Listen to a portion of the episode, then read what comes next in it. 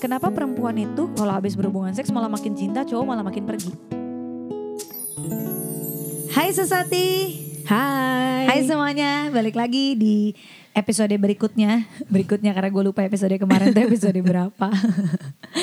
Eh, dari podcastnya The Sesati bareng gue Isel dan Gue Lia. Asik. Hari ini kita mau ngomongin tentang intimasi, Keintiman. keintiman. Eh, keintiman tuh apa sih? Kenapa juga mesti ngomongin keintiman? Nah, jadi kan kalau misalnya kalian mengikuti Instagram eh, Sati belakangan nih, kita lagi mengupas habis tentang keintiman. gitu. Keintiman. Kalau dari KBBI ini, gue nyontek. Intim itu adalah artinya akrab, karib, rapat, Rapat, rapat, ya kan.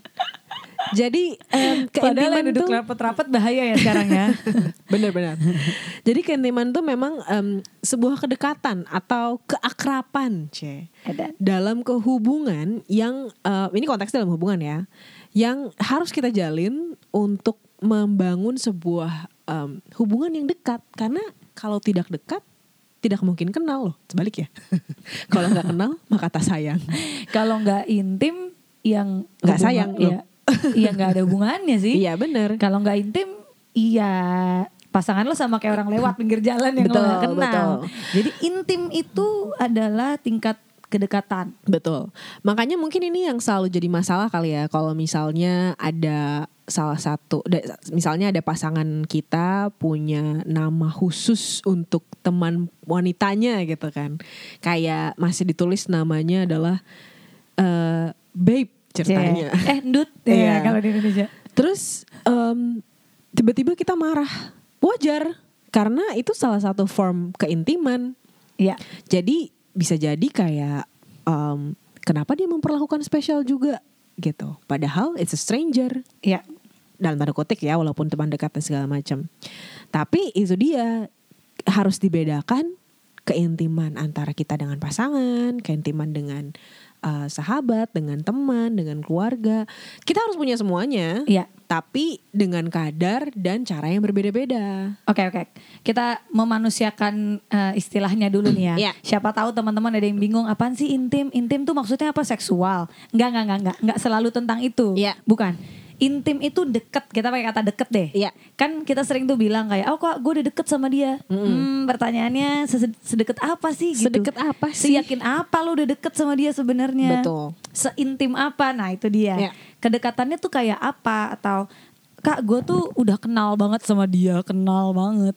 Sekenal apa, se seintim apa balik lagi. Itu dia. Istilahnya balik lagi ke intim. Ya. Se seintim apa gitu. Makanya kenapa kita sekarang ngomongin keintiman ya. Betul. Jadi gimana sih kayak banyak kan yang suka nanya cara tahu ini orang suka apa enggak sih sama kita. Nah, ngelihatnya tuh bisa dari kadar keintimannya. Kadar keintimannya betul. Kadar kedekatannya. Betul. Yang kedekatan ini dikategorikan menjadi empat. Apa saja Isal?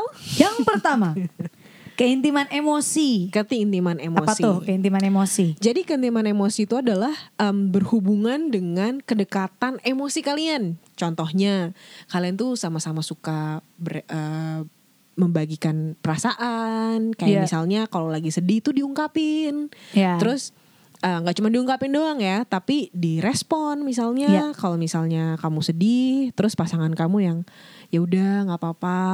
em, everything is going to be okay. Iya, iya. Misalnya itu, itu tuh adalah keintiman emosional. atau kayak kita peduli dia Iya. sakit kita jadi khawatir ikut Benar. atau em, dia lagi merasa eh, bahagia kita jadi ikut joyful kita Iya, jadi ikut senang ada terikat keterikatan emosinya ya Benar. Iya. Nah, kalau misalnya kamu sakit terus dia, oh ya udah kamu cepat sembuh ya. Ah, aku main bola dulu. Nah, Aduh, itu mungkin itu- harus dipertanyakan. ditingkatkan keintiman emosinya Betul, betul. Gitu. Nggak mesti harus langsung dia ke rumah dan nganterin makanan, nggak mesti gitu juga.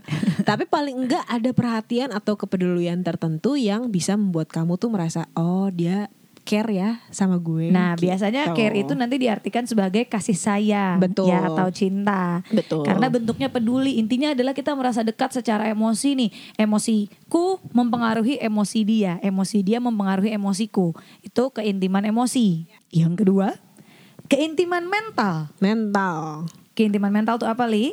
Yang berhubungan dengan em, kedekatan intelektual, komunikasi, sama karakter. Hmm. Maksudnya gimana? Maksudnya gini. eh, mental tuh kan artinya yang yang berhubungan dengan pemikiran ya. Iya. Kayak pemikiran kita tuh sama pemikiran dia deket. Nggak mesti sama, tapi bisa menerima satu sama lain Iya. argumentasinya.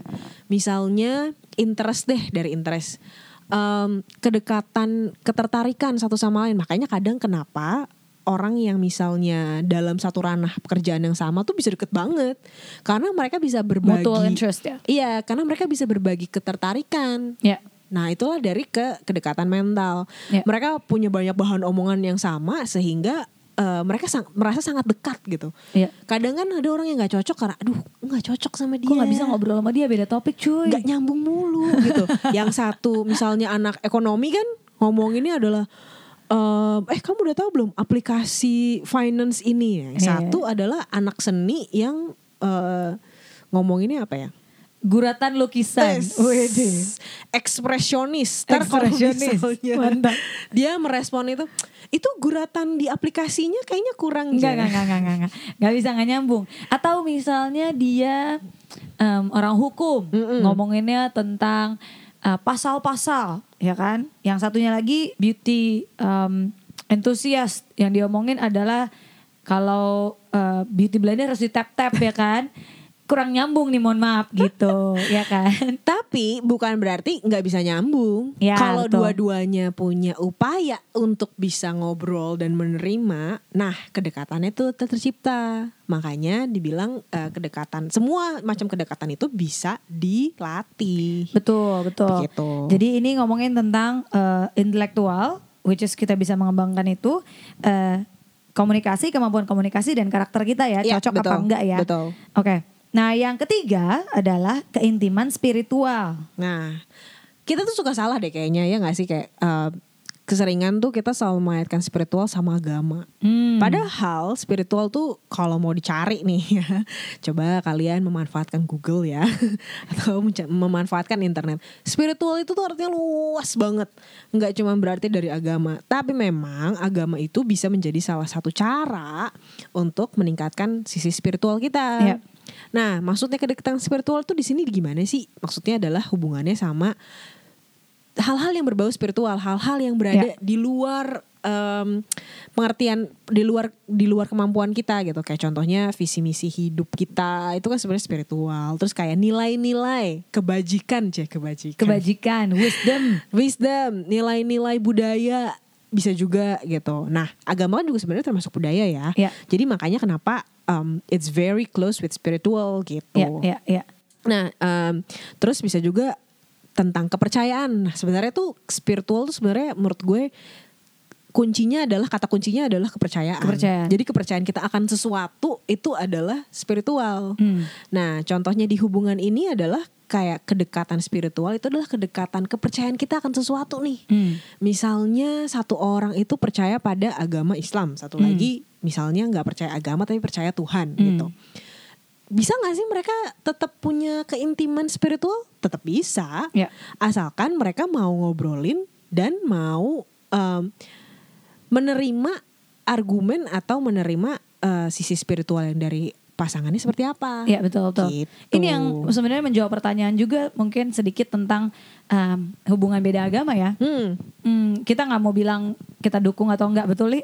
ya betul.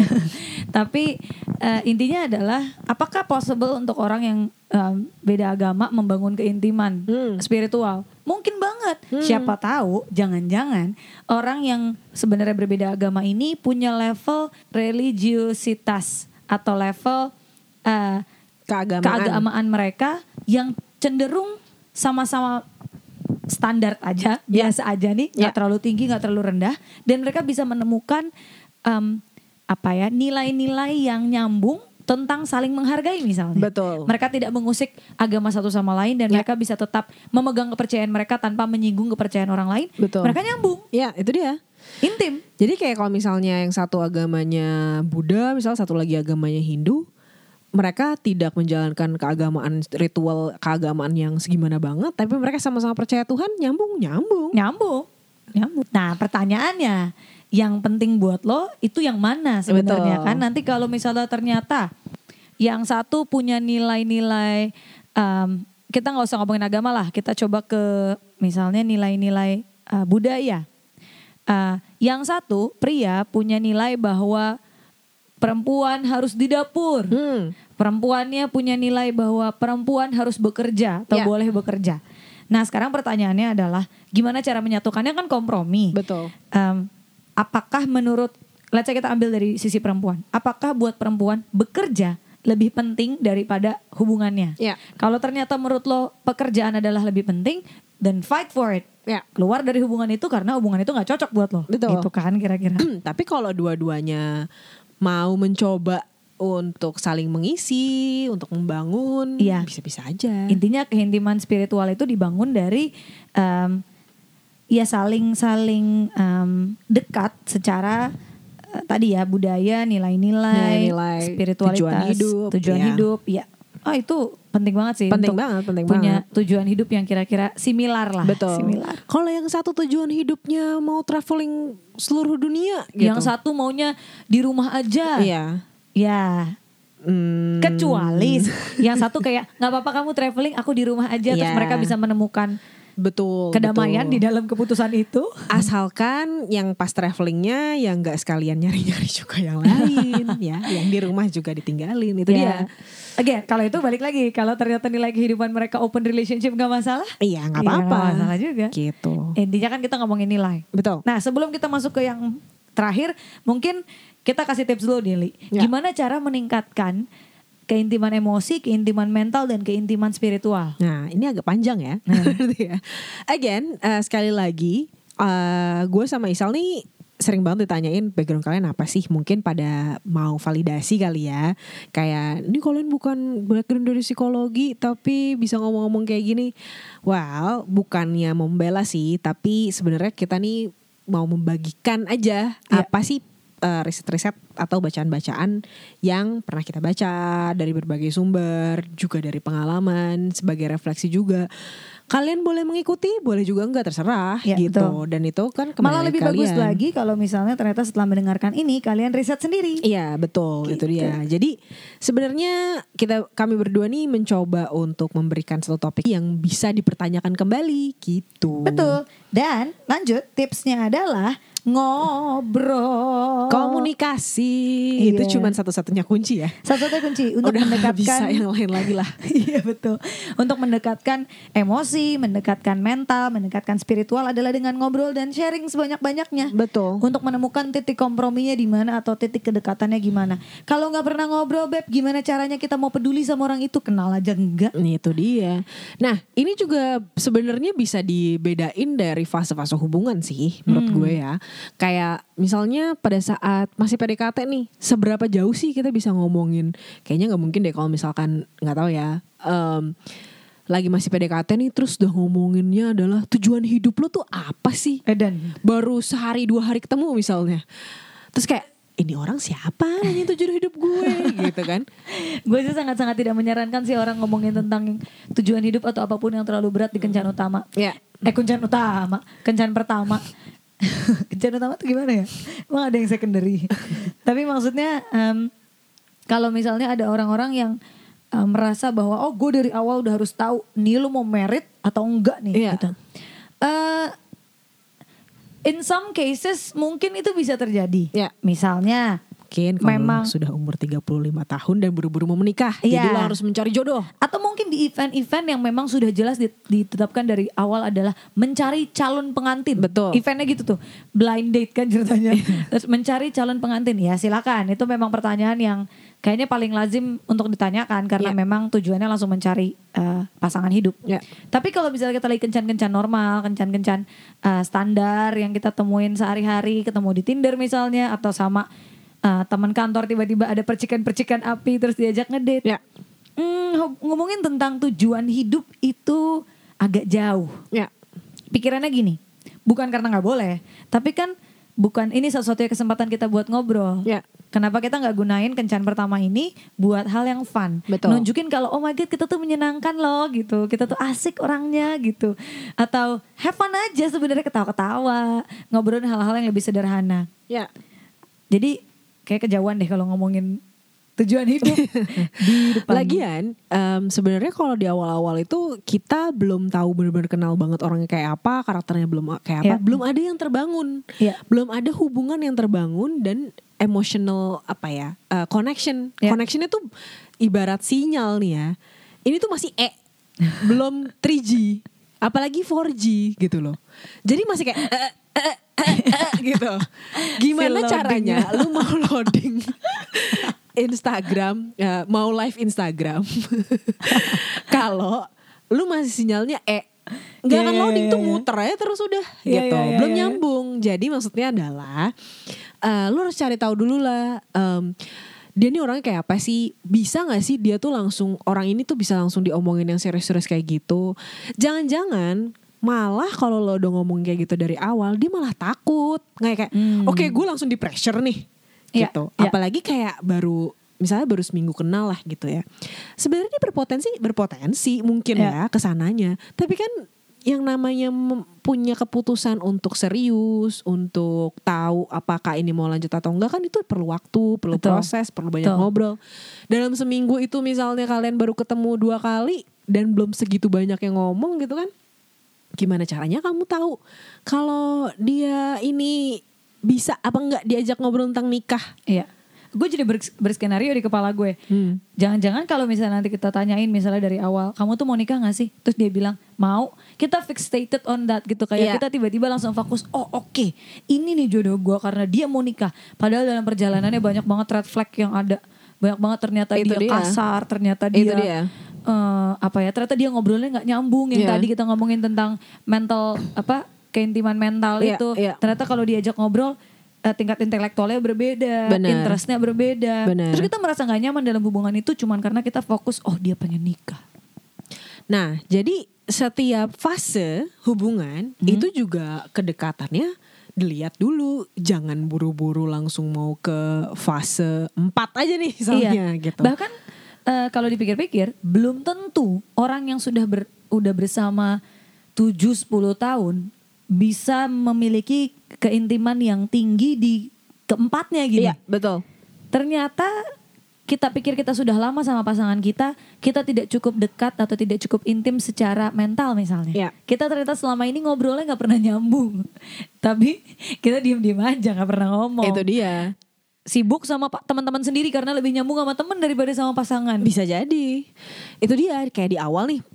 Ini saran sih ya. Kalau yang lagi PDKT, mungkin keintiman emosionalnya bisa cuma di sekitar kayak oh em, cerita tentang background keluarga misalnya Iya. kayak em, kamu nih eh, asal dari mana? Atau kayak em, budaya kamu tuh seperti apa sih? Atau nggak usah yang perlu kayak menye-menye juga nggak apa-apa juga gitu. Kayak sesimpel kayak apa sih sebenarnya yang kalau eh, lu tuh bahagianya eh, lu tuh senengnya kalau ngapain sih? Iya, misalnya iya, iya, gitu. iya. itu aja sebenarnya udah udah nge-share emotional kan. Iya, karena iya, iya. emosi bahagia. Atau eh senengnya pergi ke mana sih? Itu sudah emosi bahagia Iya. gitu. Terus kayak mental juga sama ketertarikan itu nggak perlu yang kayak ngomongin tentang eh, ribet-ribet nih intelektualnya menurut lo kayak pemerintah kita tuh kurangnya Edan, apa edan, sih edan. gitu di awal Apa pendapat kamu tentang lagu KKI? Enggak ya, bukan ya. Bukan, bukan, bukan. Sorry, sorry. maaf Bu, itu kayaknya nggak ada hubungan sama intelektual sih ya Itu hubungannya sama kepercayaan. itu dia. Nah, jadi ada istilahnya adalah uh, before you drink it, taste the water first, ya kan? Ya, ya. Jadi maksudnya adalah uh, di awal-awal itu lo harus taste dulu nih. Kasih aja pertanyaan-pertanyaan kayak kalau untuk yang mental nih kan tentang intelektual dan karakter kan. Ya. Coba aja tanya tentang hal-hal yang pemikiran kayak eh eh, lu kemarin ngeliat gak sih itu campaign Black Lives Matter for example ya Hmm. contohnya menurut lu gimana gitu dan nggak perlu juga sampai berargumentasi di awal cuman tahu pengen tahu aja Gak usah, gak usah kompetitif apa. juga harus Iya. menang. kan bukan tujuannya bukan itu. Bener Atau bisa juga secara sederhana kayak Eh lu udah nonton film ini belum sih? Suka nggak? Hmm, Nah hmm, hmm. itu kan sebenarnya mental Kenapa? Karena dari situ kita bisa tahu tuh Pemikiran dia itu seperti apa sih Kalau misalnya ada satu eh, isu atau kayak Ya. karakter dia seperti apa sih kalau Ya. merespon sesuatu. Terus misalnya dia nggak terlalu suka sama film, oh berarti kita tahu, oh berarti dia nggak suka film nih. Topik apa ya yang yang suka? Misal coba lagi, kalau misalnya dari cewek ke cowok nih ya, eh lu suka olahraga apa? Ya. Biasanya kan itu yang paling gampang. Kalau dari cowok ke cewek, misalnya, eh lu suka makan apa? Ya. Misalnya gitu. Dari situ kan udah bisa keluar tuh, baru deh intelektual dia tentang makanan misalnya nanti si ceweknya bilang kamu tau gak sih iya aku suka banget burger yang di sini sini karena itu sebenarnya eh burger itu dari tahun bla bla bla bla bla Wadaw. bla gitu keren banget sih kalau pada sampai tahu ya ya eh, kalau misalnya dari gue bisa em, misalnya keintiman emosi sebenarnya paling sederhana yang lo bisa coba itu adalah bereaksi terhadap eh, emosi dia Hmm. atau sesuatu yang berhubungan sama emosi. Misalnya dia bilang eh, kalau misalnya nih teman kencan lo atau pasangan lo ketika lo udah berpasangan mau meningkatkan intimasi emosi bisa em, respon emosinya dia. Misalnya dia bilang gila tadi di kantor capek banget kerjaan hari ini banyak banget. Hmm. Kan kalau kita analisis itu emosinya apa sih? Ya. Emosinya sedih, mungkin dia kecewa ada yang Ya. tadi nggak berhasil atau sebaliknya dia sebenarnya lagi happy banget karena walaupun capek dia udah bisa menyelesaikan banyak hal di kantornya. Lu bisa meresponnya dengan kayak oh ya kenapa? Kamu capek ya gitu atau kayak oh ya kamu kenapa pijitin misalnya atau do something yang mem- ya yang yang acknowledging emosinya dia. Ya. Nanti dia akan merasa dekat atau intim secara emosi sama kamu, Betul. secara perasaan. Oh oke, dia mengerti perasaan gue. Jadi kayak nyambung nih. Tau gak sih tipe yang kalau lo mau pasangan kayak, eh kalau mis- gue tahu nih kalau dia mukanya kayak gitu dia lagi sedih. Nah itu tuh, Ya, ya, itu mungkin oh, kita merasa memang sudah intim secara Sudah dekat, emosi, betul. udah lebih peka lah intinya. Atau yang kedua eh, si mental tadi ya, kedekatan intelektual. Bener kata Lia tadi, ajak ngobrol, eh, diskusi. Mungkin kalau pertama kali banget kencan bisa ke arah gini. Misalnya cowoknya cerita, oh iya gue seorang dokter. Terus lo tanya aja, oh ya dokternya apa spesialisasinya, Ya. ngerjain apa. Seru gak sih kerja jadi dokter? Ya. Biar dia elaborasi ceritanya dia. Benar. Hmm, itu seru juga tuh. Atau kalau yang kalau yang spiritual, spiritual bahas di awal gak sih? Kalau lo biasa gimana? gue bahasnya kan soalnya lebih tentang kepercayaan kan Hmm. jadi kayak sebenarnya lebih ke budaya Oh, kayak iya, iya, kadang iya. tuh gue ngomongin yang bener-bener general aja kayak contohnya eh, emang kalau misalnya nih pasangan gue orang Jawa atau orang apa gitu ya emang kalau misalkan di bahasa Jawa kayak gimana sih misalnya Iya, iya, iya, iya. atau kayak eh, kepercayaan-kepercayaan spiritual yang kayak misalnya beda agama misalnya emang kalau di agama kamu kayak gimana Hmm. hanya on the surface aja nggak nggak nggak perlu yang em, gede-gede banget atau gimana Penting gak agama buat kamu? Nah, Edan? nggak perlu sampai nanyain menurut kamu tuh arti Tuhan tuh apa sih waduh kalau di awal kayak gitu gue juga serem ditanya kayak gitu ya serem banget bu Asli gue ngakak. Oke. jadi Oke. spiritual tuh kayak gitu atau kayak misalnya nih bisa sangat sederhana ya menurut gue ini bukan tujuan hidup kayak misalnya eh kalau misalnya nih kita seru-seruan ya kamu lima tahun ke depan kira-kira mau kayak gimana sih nah Hmm. ini tuh udah menurut gue paling dasar banget tentang spiritual Ya. karena dia bisa memproyeksi dirinya dia tuh lima tahun ke depan dia seperti apa sih em, sisi apa ya sisi sesuatu hal yang di luar dirinya dia gitu dia Iya. berharap bahwa lima tahun ke depan dia bisa punya rumah misalnya atau Iya. berkeluarga Iya, nah iya. dari situ tuh bisa banget Oh digali ternyata tuh. keluarga tuh penting buat dia. Iya, Kalau bener. misalnya dia bilang lima tahun lagi gue mau jadi bos, oh berarti karir yang penting nih buat dia. Gitu. Itu bisa jadi pertimbangan-pertimbangan awal tuh. Nah, Iya. kalau misalnya nanti di hubungan nih udah menjalin hubungan, itu bisa lebih di develop barulah kalau udah misalnya 6 sampai setahun lah baru ngomongin yang lebih kritis kayak Hmm. Spiritual tuh misalnya gini, em, kamu penting gak sih orang yang beda agama baru tadi tuh Tuhan tuh kayak gimana sih buat Iya. kamu tuh baru bisa yang lebih dalam-dalam lagi supaya sama-sama memahami oh kita punya pemahaman yang berbeda bukan berarti nggak cocok tapi Iya.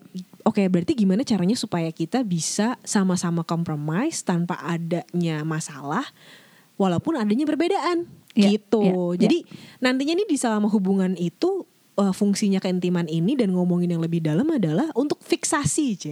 Memperbaiki yang bolong-bolong yang awal-awalnya belum kesentuh gitu. Iya iya. Nah tapi berarti pertanyaannya nih untuk me- memperjelas aja, apakah proses ngobrol ini nih atau Hmm. proses eh, eh, mendekatkan diri atau proses meningkatkan keintiman ini hanya berlaku untuk orang-orang di awal hubungan aja kak? Atau sebenarnya ini bisa dilakukan juga di sepanjang hubungan berjalan?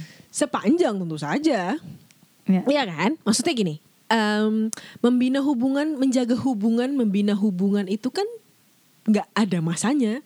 Ya. Apalagi kalau misalnya nih em, kalian sudah setahun, terus stage berikutnya adalah menentukan gue akan serius atau tidak sama dia. Hmm. Itu adalah bi- eh, makanya keintiman ini bisa menjadi eh, titik poin penilaian, Ya. evaluasi kamu akhirnya. Ya. Misal udah setahun, terus kayak kedekatan kita tuh sudah se- sejauh apa sih sebenarnya? Dari keempat si keintiman eh, mental, spiritual, em, emosi sama fisik tuh sudah sejauh apa nih? Hmm.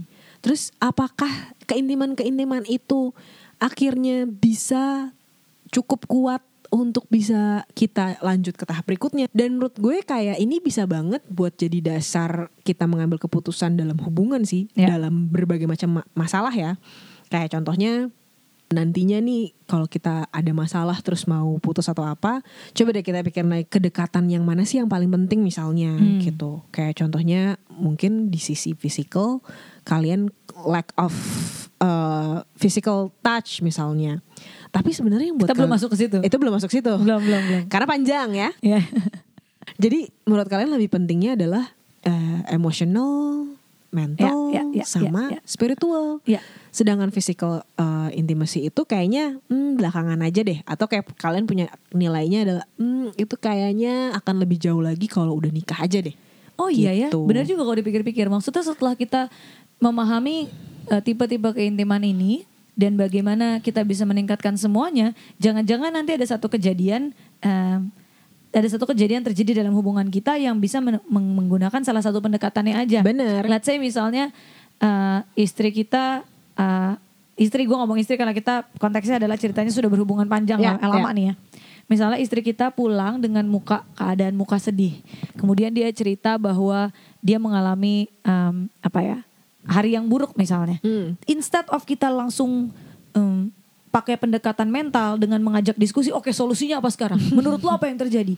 Jangan-jangan lebih cocok pakai pendekatan emosi, emosi Benar. atau keintiman emosi. Cukup didatangi terus bilang sedih ya gitu. Hmm. Kenapa sedih gitu. Itu dia. Emosinya jadi lebih kuat. Nah, kalau misalnya keintiman emosinya sudah intim banget, udah rekat, udah apa tadi istilahnya? Akrab, ikrip, Rapat. rapat. sudah rapat.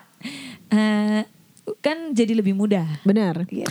Nah ini juga sebenarnya gue pernah ngobrol sama satu psikolog gitu tentang keintiman ini dan dia bilang gini, semakin kita dekat itu semakin eh, kita intim atau semakin kita dekat, semakin akrab di semua area ini, bahkan kadang ya kita tuh bisa ngebatin istilahnya. Jadi pasangan kita sampai nggak perlu ngomong, kita udah tahu harus berbuat apa. Iya, iya, iya. Itulah tanda bahwa kalian tuh sudah sedekat itu, Udah sudah intim seintim banget. itu Ya, gitu. ya, ya. Bener yang tadi si Isal bilang, itu dia kenapa membangun keintiman tuh sangat penting karena kita jadi tahu harus ngerespon kayak apa sih pasangan Ya, kita ya, karena ya, kita ya. sudah sedekat itu. Hmm, kalau dipikir-pikir gue jadi mikir lagi. gue sedekat apa sama pasangan gue? Sebenarnya exactly. Jadi gara-gara gue tahu tentang ini tuh kenapa gue bring up gitu ya. Karena eh, beberapa waktu lalu tuh gue sempat dengar tentang keintiman spiritual kan. Terus gue jadi wondering sendiri, keintiman spiritual gue sama pasangan segitu tingginya nggak ya gitu. Iya, iya. Terus oke, gue mencari apa sih yang bisa gue omongin tentang spiritual gitu. Ya. Uh, jalan masuknya memang pertama memang dari agama sih, maksudnya itu menjadi salah satu poin kuat banget untuk ngomongin tentang spiritual kan, Iya. karena banyak banget hal-hal yang kayak kepercayaan tentang Tuhan, tentang budaya, tentang perilaku kan banyak banget yang didasari dari ajaran-ajaran agama kan, Iya. tentang kebaikan dan segala macam. Nah barulah dari situ gue mengerti bahwa oh ternyata em, tingkat spiritual dia sama tingkat spiritual tuh spi- spiritual gue tuh segini. Iya. Gimana ya caranya supaya gue bisa em, terus ba- memperbaiki lah atau kayak keep up um, misalnya gue gua tahu kayak kayak gue di agama kayak gak kurang dia nih lebih nih terus gimana caranya oh mungkin gue bisa makin banyak nanya sama dia Ya. atau kayak mendiskusikan satu hal-hal yang gue belum tahu jadi gue ngerti pola pikirnya seperti Ya. apa nah kayak gitu jadi emang kita sih berharapnya dengan kita bring up this topic gitu ya kita semua jadi berpikir sih kita udah sampai level yang mana ya Keintiman yang keempat adalah keintiman fisik. fisik. Nah, ini yang sebenarnya sering banget langsung dipikirin orang nih kalau ngomongin intim. Pasti Ini- langsung berhubungan kayak, wah lu ngomongin hubungan intim ya? Iya. Hmm. Ini sebenarnya hal yang ber- cukup berbeda dengan dibandingkan dengan tiga keintiman yang lain Iya. ya. Karena kalau tidak tiga keintiman yang lain itu dibangun tadi dari komunikasi, dari ngobrol, dari em, pengembangan diri yang akhirnya berhubungan sama em, kompromi dan segala macam. Iya. Kalau fisik itu ya fisik ke apa ya? Aksi. aksi verb kata-kata lo tadi Iya, semua isinya kata kata, kerja. kerja. dan eh apa, indra indra indra dong sentuhan Betul betul sentuhan. Dan um, sebenarnya ini is, it's very um, biologic aja sih menurut gue. Iya, Kayak betul. makanya ini ilmu pastinya.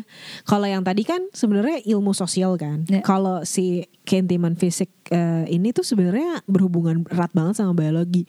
Kayak gimana sih sisi biologis kita nih um, saat kita tersentuh itu ada satu hormon yang di diri kita um, jadi terpercik gara-gara ada sentuhan itu kayak contohnya salah satu hormon di cewek um, itu bisa rilis stresnya serotonin tuh bisa rilis kalau misalnya kita merasakan disayang contohnya kayak dilus-lus kepala. Iya, iya, iya, iya, iya, nah ini dia. kita Jadi- punya kebutuhan itu kok Betul. Jadi sebenarnya sexual interak interaction atau interaksi seksu- seksual itu bukan selalu berarti yang porno-porno itu ya.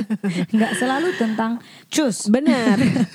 Jadi seksual interaksi itu tuh bisa dari hal yang paling kecil banget, sekecil pegangan tangan, mengelus kepala, merangkul, pandangan mata pandangan mata. pandangan mata itu Lirikan, Cie. keintiman fisik beb itu juga sebenarnya keintiman fisik itu sama aja kayak keintiman lain yang ada stage-nya. tuh kayak kalau dalam PDKT iya kali baru ketemu terus tiba-tiba langsung nyosor kan nggak mungkin juga ya jadi gini tadi tuh gue sempat diskusi panjang banget sama Michelle sebelum membuat podcast ini adalah tentang membuat formula.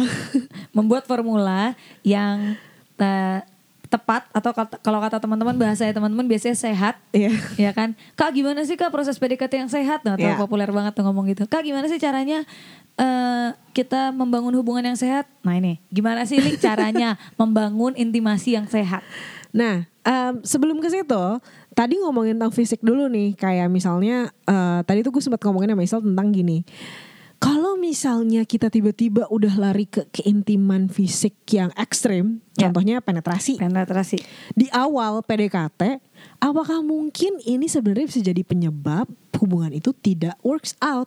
Kenapa? Karena sebenarnya kita tuh menghilangkan keintiman-keintiman lain yang sebenarnya harus dibangun sebelum si keintiman fisik ini. ya Akhirnya tadi gue sama Isal memformulasikan lah ini versi kita ya.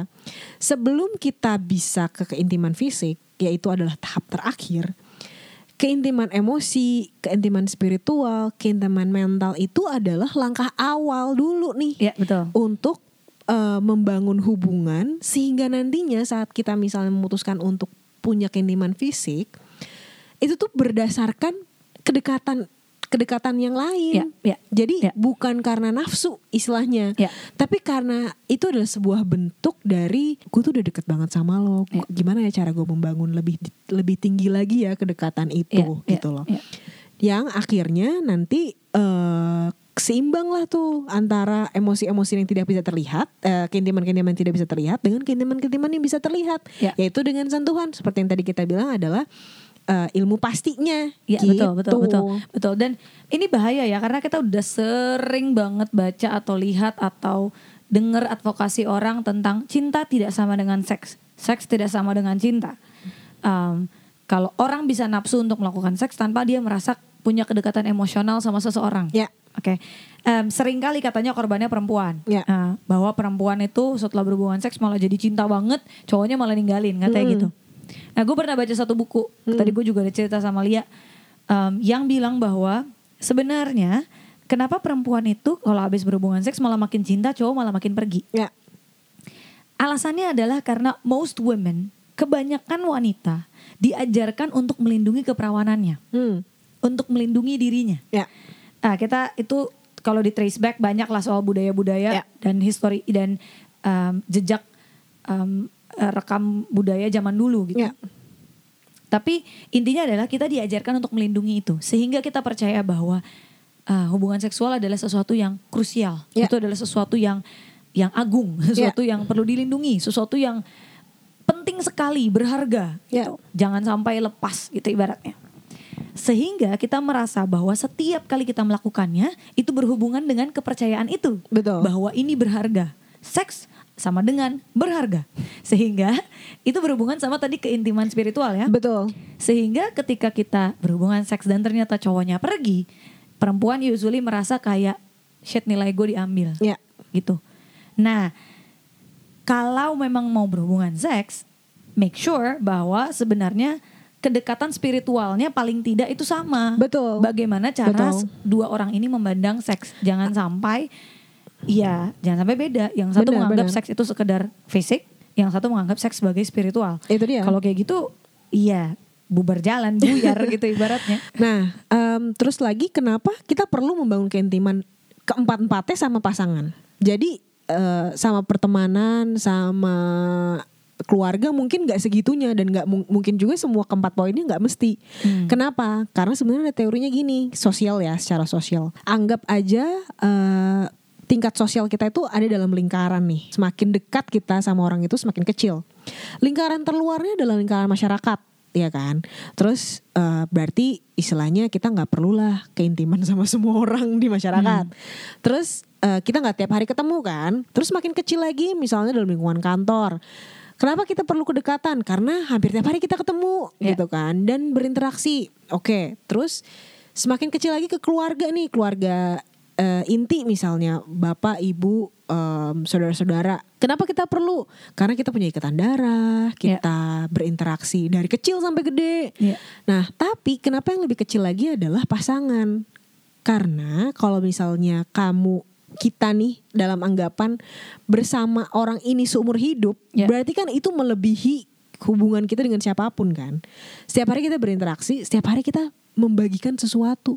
Makanya kenapa empat-empatnya tuh harus klop.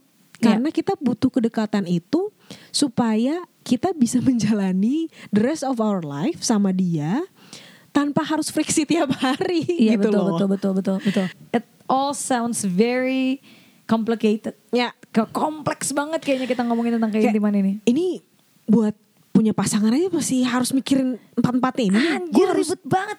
Buka lagi nih catatan kalau misalnya gue Jadi kalau gue punya pacar. pasangan harus mikirin ini semua. Oh my god. Tenang, tenang, tenang. Eh, pada perjalanannya, kalau pasangannya ternyata menuju kecocokan, Ya. rasanya menyenangkan kok ngomongin ini semua. Benar. Ketika lo ketemu sama orang-orang yang interestnya sama, seru kan ngobrolin tentang hal yang kalian suka. Kalau misalnya ternyata kalian ketemu yang satu agama misalnya dengan tingkat kepercayaan yang sama, seru banget kan? Itu dia. Eh, pergi ke gereja atau pergi ke masjid bareng asik. Jadi it all actually is a fun process.